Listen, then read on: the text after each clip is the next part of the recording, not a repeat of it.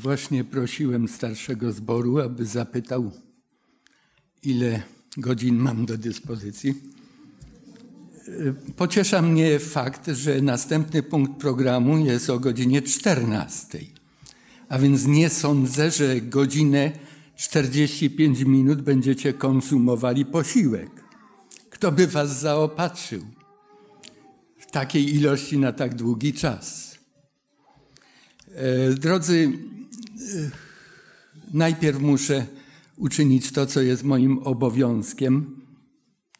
Zbory w Wieluniu, Częstochowie, Mszczonowie, w Lgocie i w Szarowie prosiły, aby pozdrowić serdecznie zbór w Podkowie Leśnej. Szczególne pozdrowienia z Ostrowca Świętokrzyskiego, bo tam niedaleko tego miasta i tego zboru mieszka mój sublokator z Konstancina, do którego po trzech latach dostałem się do sanatorium. Tak naprawdę nie wiedziałem, po co ja tam jadę, ale później się okazało, że warto było, bo z Ostrowca ze starszym zboru mogliśmy wrócić do domu tego mojego sublokatora, gdzie czekała i żona, i cała rodzina, która również była zaangażowana w nasze modlitwy, które realizowaliśmy tam w Konstancinie. I właśnie ten człowiek yy, bardzo się cieszy i z Konstancina macie też dużo pozdrowień od tych wszystkich, którzy razem ze mną oglądali nabożeństwa w Podkowie w każdą sobotę. Niech Bóg błogosławi tę załogę, która dba o to, aby te nabożeństwa funkcjonowały i aby e, były emitowane na cały świat. Pozdrawiam również tych internautów, e, którzy w tej chwili nas słyszą i obserwują. Tekst z księgi.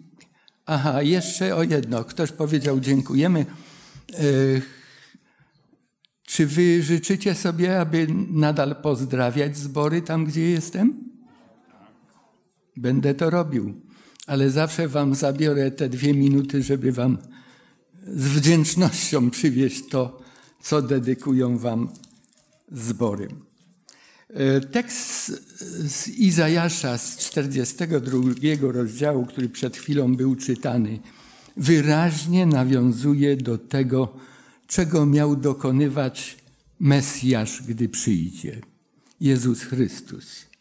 Nie będę rozwijał tej myśli dalej, bo mógłbym nie zdążyć przed czternastą. Ale chciałbym, abyśmy spojrzeli na działalność Jezusa Chrystusa.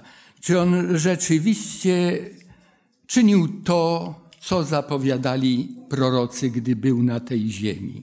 Czy czynił, gdy był tutaj? Czy czyni dzisiaj? Bo to jest dla nas najistotniejsze. My nie chcemy żyć tylko historią. My wiemy, że Bóg nasz jest żywy, jest ten sam, a jeżeli jest ten sam, to mamy taki sam dostęp do Niego, jak ludzie, o których czytamy w Piśmie Świętym. To przesłanie proroctwa Izajasza jest aktualne nie tylko przez trzy i pół roku ziemskiej mesjanistycznej działalności Jezusa Chrystusa.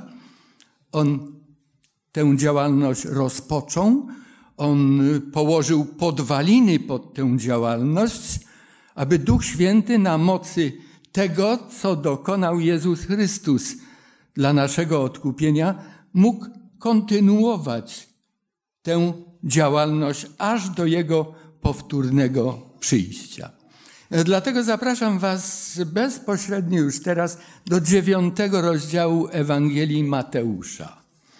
Jeżeli macie Biblię i lubicie ją czytać, przynajmniej w sobotę, to, to serdecznie Was zapraszam.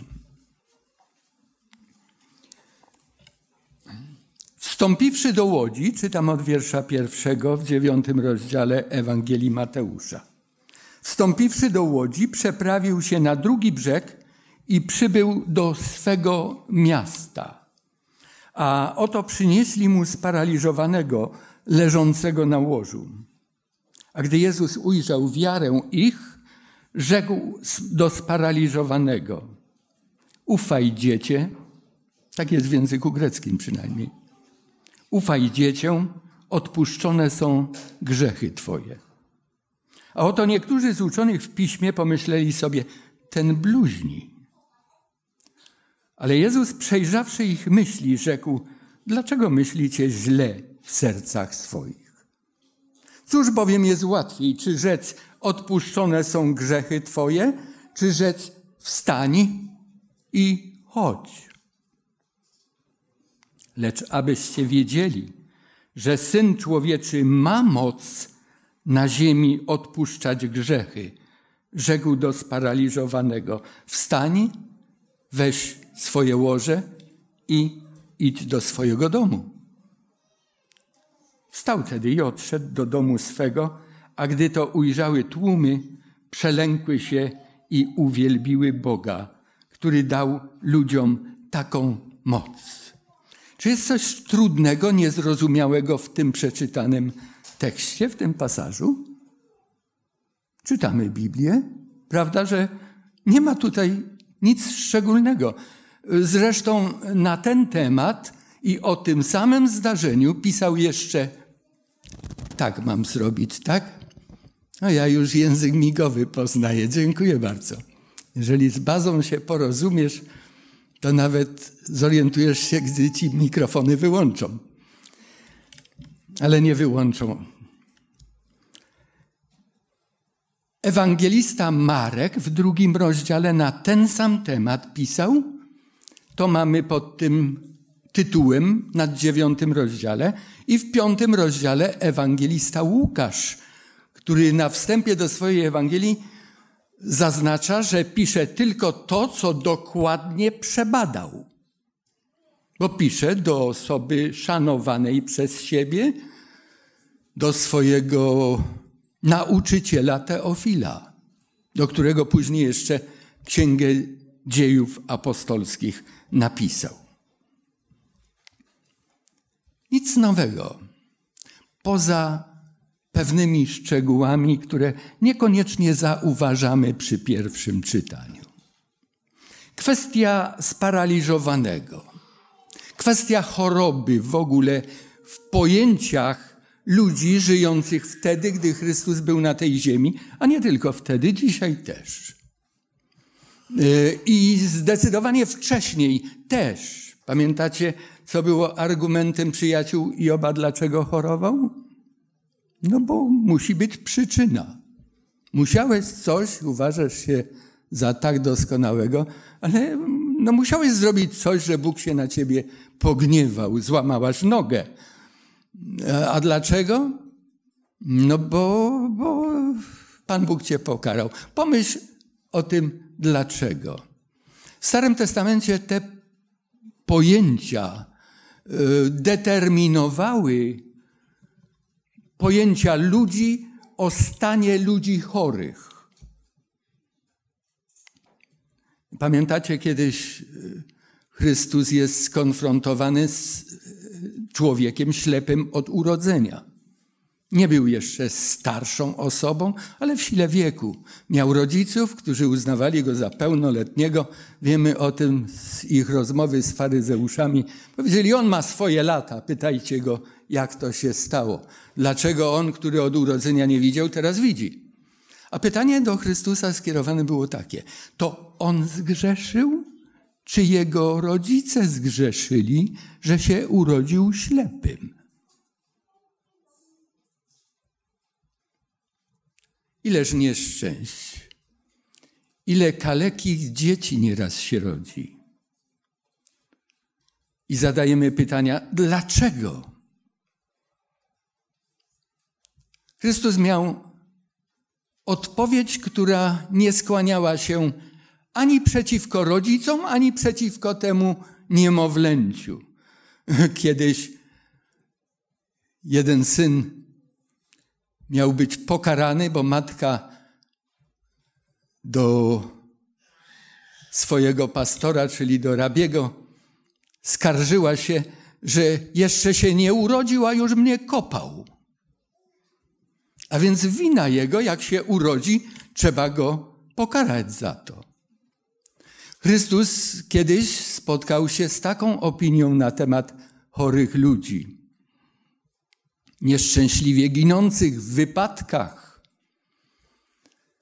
Wieża w Sylo zawaliła się i zabiła siedemdziesięciu pobożnych ludzi. Piłat pozabijał i z krwią ofiar, które ci pobożni ludzie składali na ołtarzu, zmieszał ich krew. Musieli być strasznymi grzesznikami, że Bóg do tego dopuścił. Pamiętacie, jak Chrystus zareagował? W pierwszym przypadku tego młodzieńca ślepego od urodzenia powiedział: ani jedno, ani drugie. Bóg odnośnie tego przypadku ma szczególny swój plan.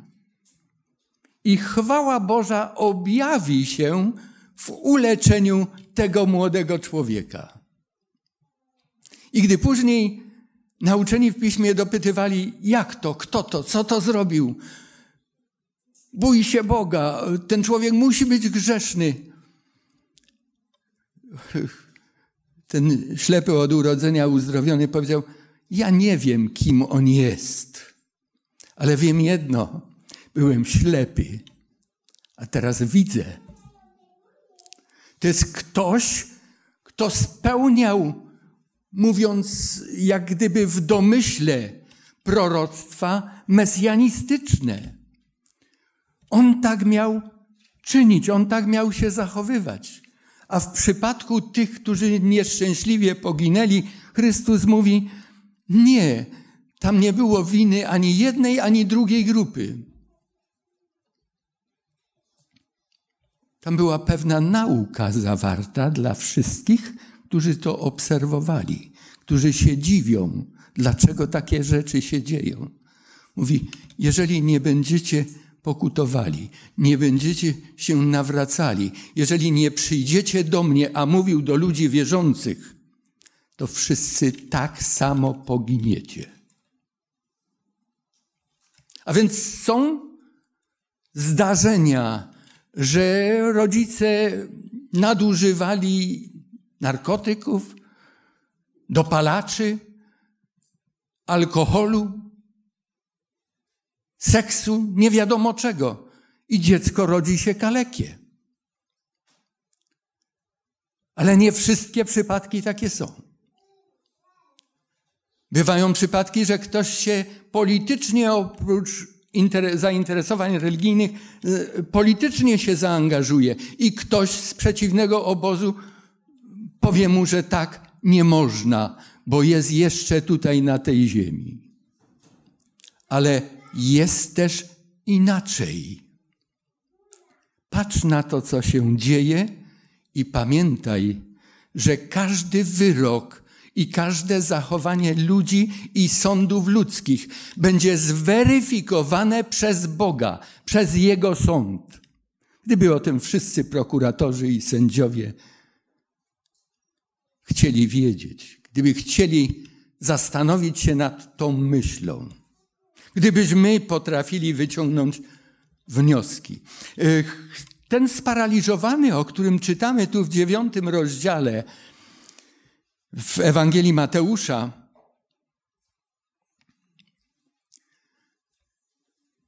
wynika z tego, że był współwinny powstaniu tego paraliżu. Że on się do tego doprowadził.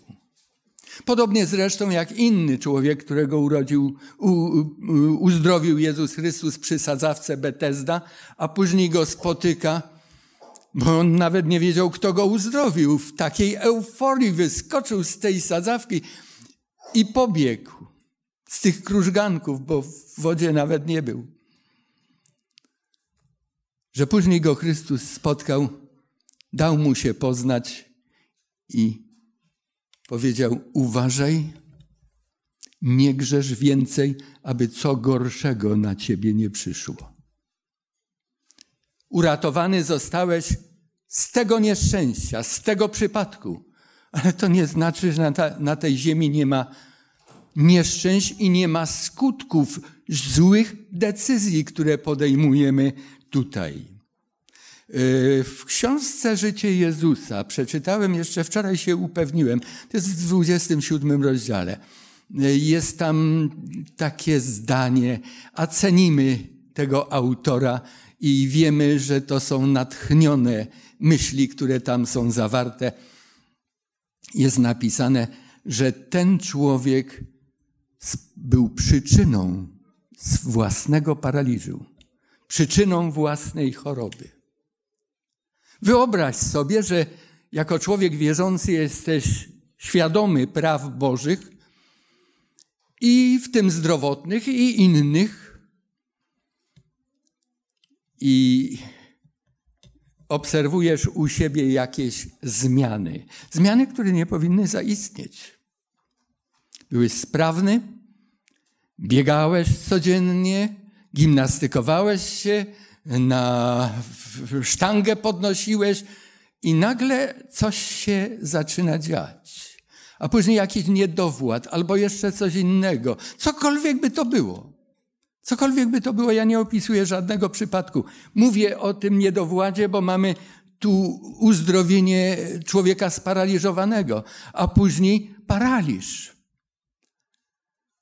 Gdy mieszkałem i pracowałem na Śląsku, to często z kolegą wybraliśmy sobie jedno miasteczko i tak po jednej dzielnicy odwiedzaliśmy. Pewnego dnia pukam do tego mieszkania i słyszę, ale z głębi mieszkania, bo drzwi były uchylone.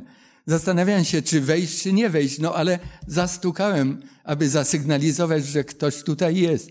I z głębi mieszkania ktoś woła: Proszę, proszę z takim wysiłkiem trochę, to rozpoznajemy w głosie. Poszedłem i głos mnie woła dalej, jeszcze dalej.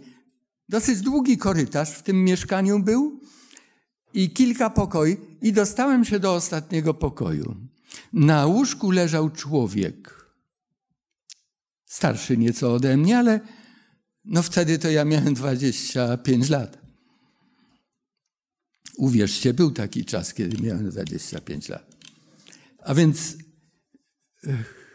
mówi, proszę, proszę, niech pan usiądzie. Nie wiedziałem, jak się zachować, jak z nim rozmawiać. Normalnie to bym proponował tam jakąś rozmowę religijną, ale tu zauważyłem, że, że nieszczęście jest. Zacząłem z nim rozmawiać że chyba, chyba cierpi tutaj, czy ma kogoś, kto się nim opiekuje. No, żona się mną opiekuje, ale ona też ma swoje zajęcia. Chodziła tam do kogoś sprzątać, żeby trochę pieniędzy było. Nie na lekarstwa. Lekarstwa wtedy były prawie że za darmo. To był rok 63. 1963.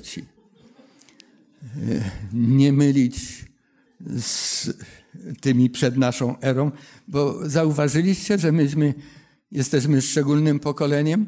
Zaliczyliśmy już dwa stulecia i dwa tysiąclecia w czasie naszego życia. To jest niesamowite. Wielu proroków chciałoby żyć teraz, kiedy my żyjemy.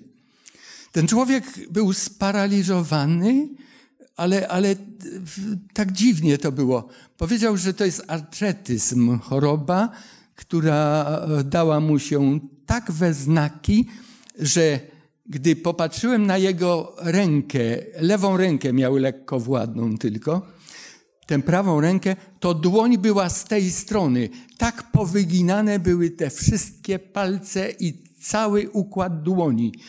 I to był postępujący ten Y, proces.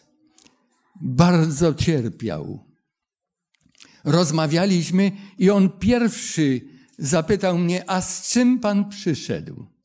No to zaczęliśmy rozmawiać. On mówi, to dobrze, to ja mam pytanie. No i zadał, mu to, zadał mi to pytanie, odpowiedziałem mu na to pytanie. Proste. Co znaczy słowo katolik? Ja byłem jeszcze wtedy na studium zaocznym w seminarium tutaj, a więc świeżo w głowie miałem coś tam, co usłyszałem i powiedziałem katolik, kata to jest według z języka greckim, a likos to jest e, liczni, wielu. A więc to jest coś, co jest powszechne, coś, co wielu ludzi robi. O, dziękuję, bo jest Pan kolejną osobą. Wiele osób już pytałem, co to znaczy katolik, i powiedzieli mu, to jest ten, co wielu zakatował, odwołując się do średniowiecza. Od tamtego czasu polubiliśmy się. Ja niedługo później, w 1964 roku, wyjechałem tutaj do Podkowy, aby się uczyć stacjonarnie ale jego bracia z Sosnowca nadal odwiedzali. Jego żona, jego syn, y, jego synowa, wszyscy przyszli do znajomości prawdy. Przez to jedno, że ktoś uczciwie powiedział im, co dane określenie znaczy. Że nie wpadł w populizm i powiedział, skoro już mu to ktoś powiedział, to ja doleję wody do ognia, czy oliwy do ognia. Bądźmy uczciwi w tych sprawach. Ten człowiek strasznie cierpiał. Gdy go odwiedziłem później już z seminarium, to tylko ta ręka, tak lekki ruch mogła, już nie mógł jej wyciągnąć. Pokrzywiony, wyraz twarzy zmieniony, zniekształcona, bardzo zniekształcona mowa. I mówi: Bracie, był tuż przed chrztem albo już po chrzcie. Mówi, bracie, widzisz, jaki Bóg jest cudowny? Mam syna, który jest ślusarzem. Widzisz ten wysięgnik? To tak jak ten kran tutaj z kamery. Przy ścianie był przymocowany i tak ułożony, a na pulpicie była duża Biblia z dużym drukiem, że jest w zasięgu mojego palca tutaj. Ja mogę przyciągnąć sobie tę Biblię, aby ją poczytać. A gdy jestem zmęczony, znowu oddalam. Jak ja się cieszę, że Ty wtedy do mnie przyszedłeś. Moi drodzy, są nieraz przypadki nieszczęść spowodowane tym, że być może w innym położeniu byłoby nam trudno znaleźć czas dla Boga. W tym przypadku nie wiem, czy to było powodem, ale wiem, że to zbliżyło tego człowieka do Boga. Ale ten z dziewiątego rozdziału to jest człowiek, który sam to spowodował. Świetna młodość, zabawa, nieprzespane noce, towarzystwo, nadwyrężanie zdrowia, a zdrowy, młody jestem, dam sobie radę. A w pewnym momencie coś tam w kręgosłupie. Ojej, taki młody i kręgosłup już ma. A później niedowład. A może wylew. Sparaliżowana jedna część, druga część ciała. Ale on wie dlaczego. I to jest najgorsze. To go męczy. Ma przyjaciół, ma kolegów. Nie, nie opuścili go. Oni wiedzą, widzą jego nędzę, może wyciągnęli już nauki dla siebie, ale chcieliby mu jakoś pomóc. Może czują się współwinni temu stanu, tego stanu. Mówią, słuchaj, byliśmy już i przy świątyni, i przy sadzawce Betesda, i w innych miejscach i, i różni znachorzy nas oglądali, różni uzdrowiciele nas dotykali. To tak jak ta niewiasta, co cierpiała na krwotok, pamiętacie? Ona cały majątek wydała na tych, którzy obiecywali, że jej pomogą. I nic nie pomogło, ale któryś się dowiedział, słuchaj, teraz do Galilei przychodzi ten, który, o którym różnie ludzie mówią. Jedni dobrze, drudzy źle, ale ty wiesz, że on uzdrawia? Zaniesiemy cię tam. To nie ma sensu. Zostawcie mnie, umrę, niech się to skończy. Ja już dłużej nie wiem, ale chodźmy cię zaniesiemy. Załadowali go na taką matę jakąś. Ewangelista Marek mówi, czterech go niosło. Przyszli do domu w Kafarnaum, bo to było to miasto własne Jezusa, nie Nazaret. Nazaret go wypędził. Chrystus umiłował Kapernaum. Tam chętnie przebywał. Tam zresztą mieszkał też Piotra, przynajmniej tam się ożenił. Przyszli, ale tłum taki przed drzwiami, że mowy nie ma, aby wejść. Co robić? Przepraszać? A kto cię słyszy? Wtedy nie było nagłośnienia, nie było billboardów, można by było na ścianę budynku postawić czy na dach.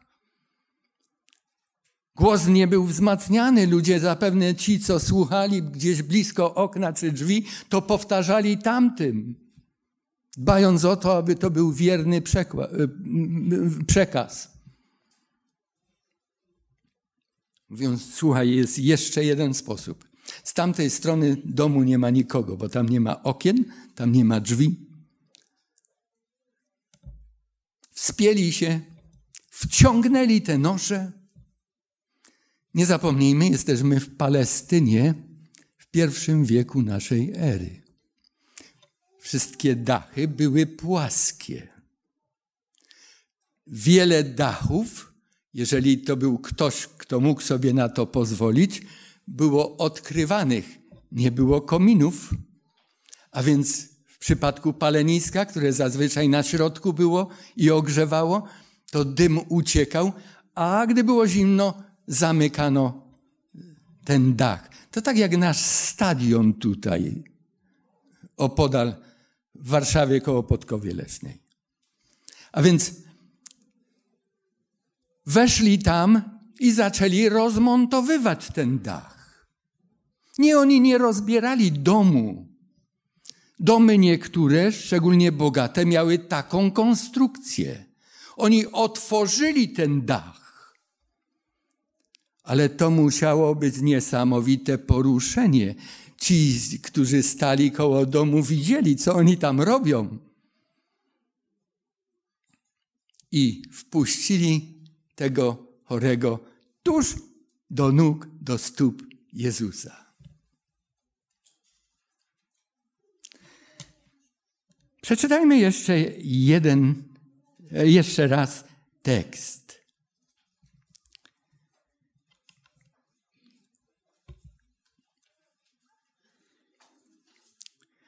Wiersz drugi, środek tego tekstu. A Jezus, a gdy Jezus ujrzał wiarę czyją? Ich. To są klasyczne teksty, które mówią: Jeśli uwierzysz Jezusowi, to zbawiony będziesz. A tutaj Jezus nie upatruje i nie doszukuje się wiary w sparaliżowanym. On widzi wiarę ich. Czy wiarę można zobaczyć? Apostoł Jakub kiedyś dyskutował z tymi, którzy mówili, że można tylko wierzyć, nie trzeba nic robić i wtedy jesteśmy zbawieni. A Jakub mówi, no pokaż mi Twoją wiarę bez uczynków, bo ja jestem gotowy pokazać Ci wiarę z uczynków. Tu Jezus widzi wiarę z uczynków. Trzeba się potrudzić. Trzeba podjąć wysiłek. Trzeba chcieć. Trzeba to zacząć robić. Trzeba skutecznie to osiągnąć. Tu możemy zobaczyć wiarę tych czterech. My nie wiemy, z jak dużej odległości go nieśli. Nie wiemy, czy po drodze gdzieś nie musieli nocować nawet. Ale tutaj byli zdecydowani. Wiedzieli, że właściciel może mieć duże pretensje do nich. Co robią bez pozwolenia ale wtedy chyba takich zagryziaków jak w obecnej dobie to chyba tak dużo nie było. Widząc wiarę ich, rzecze do sparaliżowanego. Wstań, weźmij łoże twoje i idź do domu swego. Tak?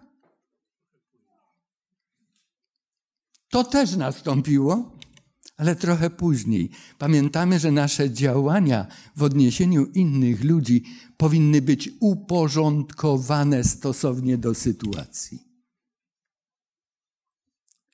Jemu dokuczał paraliż, jemu dokuczał ból fizyczny, ale było coś więcej, co go bardziej martwiło i co bardziej bolało niż te wykrzywione członki.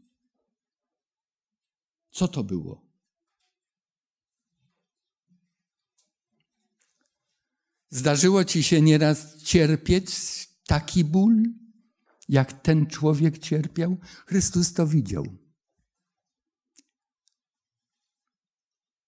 I zwrócił się do niego. Podoba mi się, bo w jednym z, jednej z książek przeczytałem, że Jezus powiedział, że to dziecię, aż sprawdziłem. Tak, tu jest powiedziane tak. Dziecię, ufaj dziecię. Odpuszczone są Twoje grzechy. Kamień z serca, prawda? Jak sumienie przestaje oskarżać. Jak wiesz, że ktoś, o kim mówią, że jest Zbawicielem, mówi, że możesz przyjść do Niego i wyznać każdy grzech. I On ci go przebacza. Korzystasz z tego? Wierzę, że tak, że wszyscy korzystamy.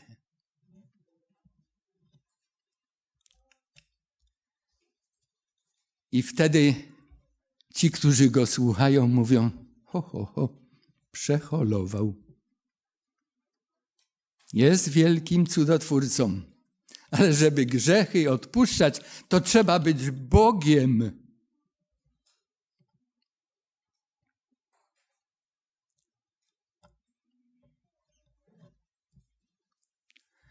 Jezus potrafił czytać w myślach. W Ewangelii Jana w drugim rozdziale możemy przeczytać zaraz na początku, że jemu nie trzeba było mówić, co jest w człowieku.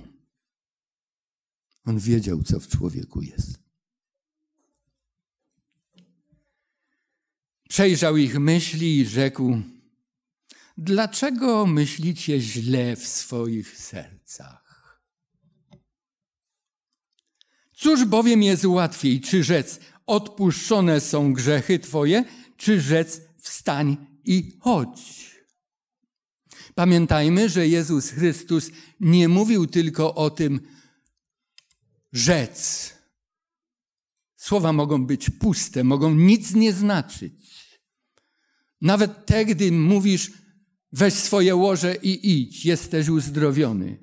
Też nic nie znaczą. Tak długo, jeżeli te słowa nie są skuteczne.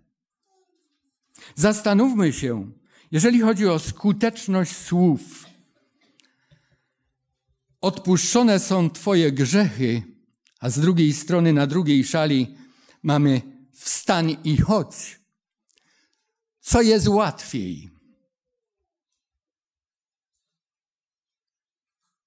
Jesteście tam jeszcze? Ha. Wszyscy śpią? W XIX stuleciu, w XVIII stuleciu to kaznodzieje, którzy kazali nie godzinę, trzy godziny, to mieli diakonów, z takimi długimi kijami, tak jak gaśnice do świec na ołtarzu tamtych najwyższych. I jak który zasnął, to ich zadaniem było iść i szturchnąć go tam. Bo na kazaniu nie trzeba spać. Żałujcie, że nie żyjecie w tamtym wieku.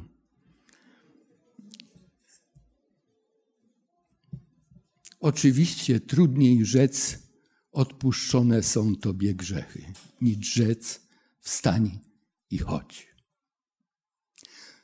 Bo żeby móc rzec, odpuszczone są Tobie grzechy, to trzeba najpierw umrzeć na krzyżu. Trzeba być Bogiem. Różni uzdrowiciele mogą zabrać Twoje kule i Ciebie posłać do domu bez pomocy niczyjej. Ale nie mogą powiedzieć, odpuszczone są Twoje grzechy. Mówią, wielu to mówi, ale bez, absolutnie bez skutku. To jest mamienie ludzi i ogłupianie tych ludzi. To jest utwardzanie tych ludzi, że można grzeszyć, a jedno wyślecie wolnym. Co trudniej jest rzec, pyta Chrystus. On musi umrzeć, aby móc to czynić. Musi być Bogiem, aby móc to czynić. Lecz abyście wiedzieli, że Syn Człowieczy ma moc na ziemi odpuszczać grzechy, rzekł do sparaliżowanego. Wstań, weź łoże swoje i idź do swego domu. Wstał, odszedł do domu swego. A gdy to ujrzały tłumy, przelękły się, wielbiły Boga, który dał ludziom taką moc. Mam cztery minuty. Zdążę? Pójdziemy na skróty, skoro nie ma więcej czasu.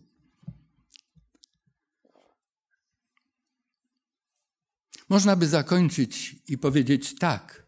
Jezus spełniał zapowiedzi proroków starotestamentowych. On trzciny nadłamanej nie dołamywał. On lnów, z którego tylko troszeczkę dym się jeszcze wydostawał, nie gasił. On jak widział iskierkę i do dzisiaj takim samym Bogiem jest, takim samym Zbawicielem. Jeżeli widzi we mnie, w Tobie iskierkę ufności do Niego i poczucia własnej winy, On już dawno uczynił to, co jest trudniej uczynić. Dwa tysiące lat temu już przelał krew, abyśmy mogli do Niego należeć. To już mamy za sobą. Ta gwarancja już jest z nami. On nie kłamie. On nie zmienia swojego zdania i swojego słowa. On nigdy się od nas nie odwróci. Ale nieraz powiedzieć, wstań i idź do domu, może być o wiele trudniejsze. Co ten człowiek teraz będzie robił? Jak się zachowa? Czy wyciągnie wnioski, czy nie?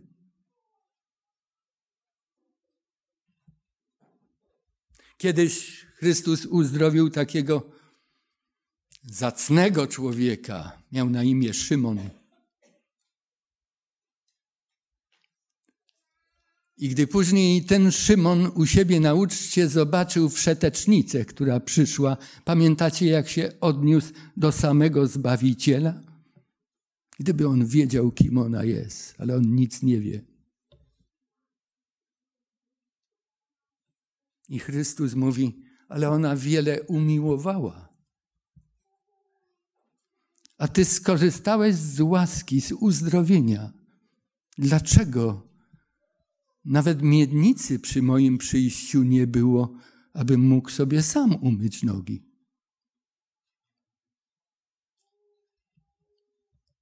Łatwiej powiedzieć, odpuszczone są Twoje grzechy.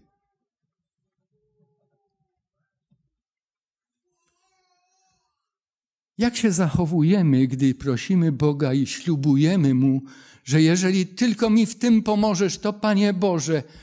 I tutaj obietnice stosowne do sytuacji. I Bóg jest łaskawy, przebacza nam i dalszych konsekwencji nie ma. I co dalej? Ta przypowieść, poza treścią, która, którą w sobie mieści, ukazuje nam postawy każdego i każdej z nas, tak jak tu siedzimy, i nawet tych, których tutaj nie ma. Tu każdy z nas jest. Czy poznajesz siebie? Czy poznajesz tę grupę, czy tego człowieka, która reprezentuje ciebie, a ty ją kalkujesz? Był sparaliżowany, nieszczęsny człowiek. Znał swoje błędy, nie wiedział, jak z nich wyjść. Kolejna grupa to przyjaciele, którzy wiedzą, że mogą mu pomóc, ale muszą podnieść, ponieść trud. Nie tylko jego wziąć na noszę i zanieść, znaleźć sposoby, jak się z nim dostać do Jezusa Chrystusa, nie rozpychając ludzi łokciami.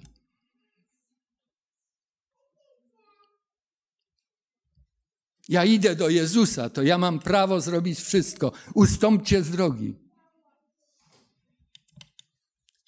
My możemy być nauczonymi w piśmie.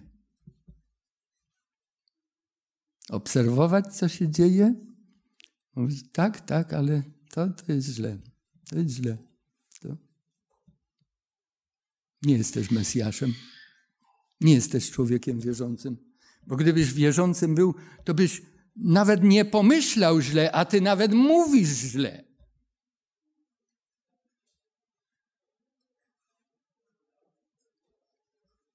Możemy być też takim nauczonym w piśmie. Może to jest moja kalka, a może tłum, który się zebrał, no bo był Jezus, mówił ciekawie, czasem dał coś zjeść, bo, bo cuda się dzieją, będzie o czym mówić przez cały tydzień. Posłucham tego kazania. Zobaczę, co się stanie. Przyjdę jeszcze raz. Nie, dzisiaj się nic nie stało, to więcej nie pójdę. Tłum, który jest bardzo koniunkturalny.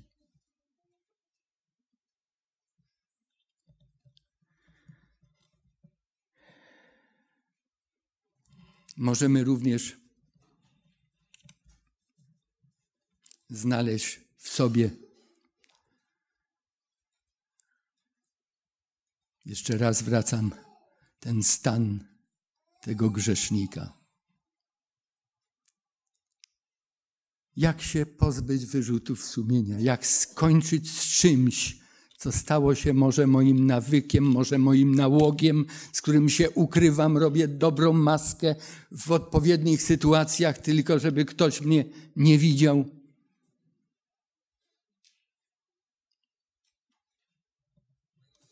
Znasz tego człowieka?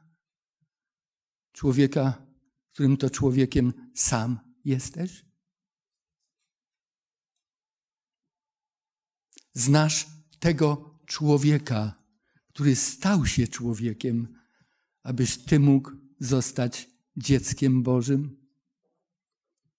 Rozpoczęliśmy od Izajasza i skończę cytując z pierwszego rozdziału wiersz osiemnasty. Ten sam Zbawiciel, ten Stwórca, ten Bóg mówi: Przyjdźcie do mnie, porozmawiamy. Będziemy dociekać, argumentować, dyskutować. Powiedz wszystko, co masz do powiedzenia. Ja ci objawię całą moją miłość, choćby grzechy Twoje były jak szkarłat jak karmazyn. Jeśli mnie posłuchacie, z dóbr ziemi pożywać będziecie. Niech Bóg spełni tę obietnicę również w naszym życiu. Ale wiemy w następstwie czego to spełnienie jest realizowane. Przepraszam Was, zegarek możecie sobie ustawić.